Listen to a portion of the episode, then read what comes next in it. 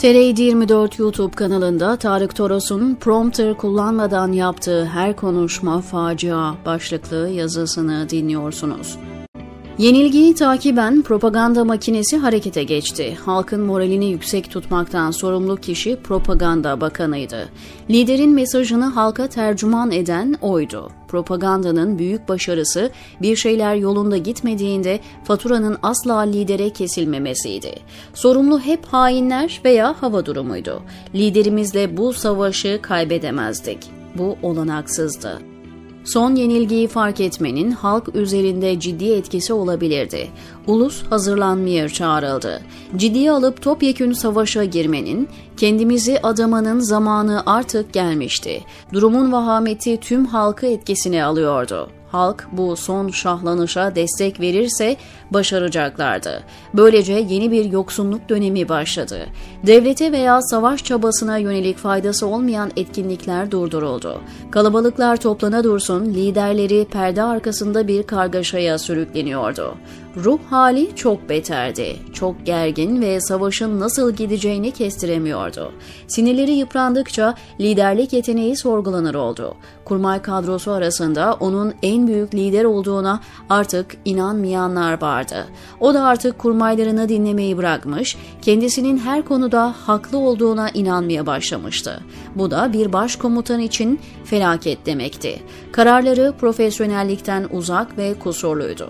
Nutuklarında saçmalamaya başlamıştı. Yukarıdaki metni ben yazmadım. Türkiye'yi de anlatmıyor. Benim satırlarım şimdi başlıyor. Netflix'teki kulüp dizisini çok soran eden oldu. Türkçe dizi, film izlemeyi ülkedeyken bırakmıştım. Dizinin ülkedeki aydınlanmaya katkı sunması şüphelidir. Öyle olsa Hatırla Sevgili, Bu Kalp Seni Unutur mu gibi dönem dizilerinden sonra şu yaşananlara onay verilmezdi.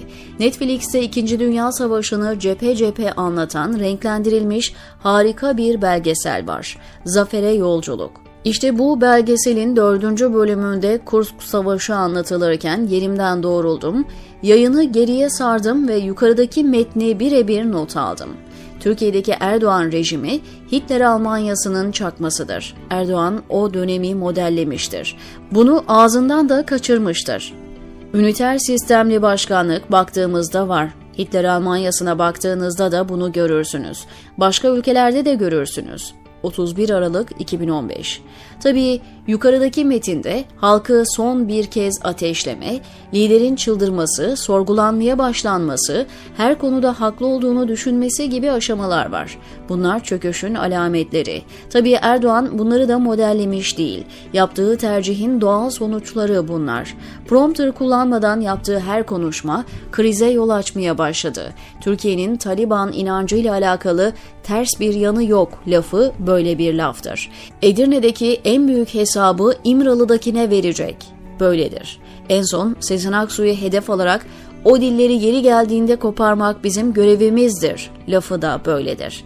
Propaganda ekibi yayılmasın diye medyayı talimatlamış, ertesi gün çıkacak gazeteleri sansürlemiştir. Ancak sosyal ağ çağında laf ağızdan çıkmıştır bir kere. Yazı uzadı. Bombaların yerle bir ettiği Berlin'de halk Hitler'in bir biçimde zaferi kazanacağına inanırken o yerin bilmem kaç kat altında şakağını sıkıyordu. Kulüp dizisini seyredenler bunu biliyor. Bilmeyene anlatamadık bir türlü. Oraya gidiyoruz, diyor Tarık Toros, TR724'deki köşesinde.